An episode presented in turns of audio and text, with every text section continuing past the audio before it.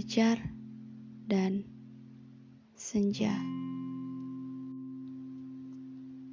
Mungkin aku harus belajar menyukai fajar daripada senja,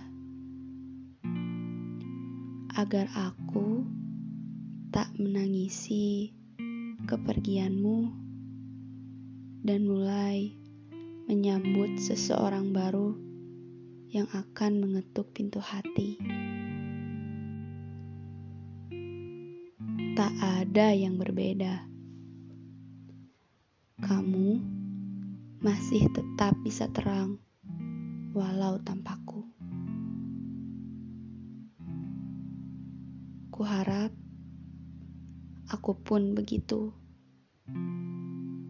Selepas kepergianmu, aku akan baik-baik saja. Doaku semoga di akhir cerita kita bisa bahagia, walau pada akhirnya kamu bukanlah alasanku untuk bahagia.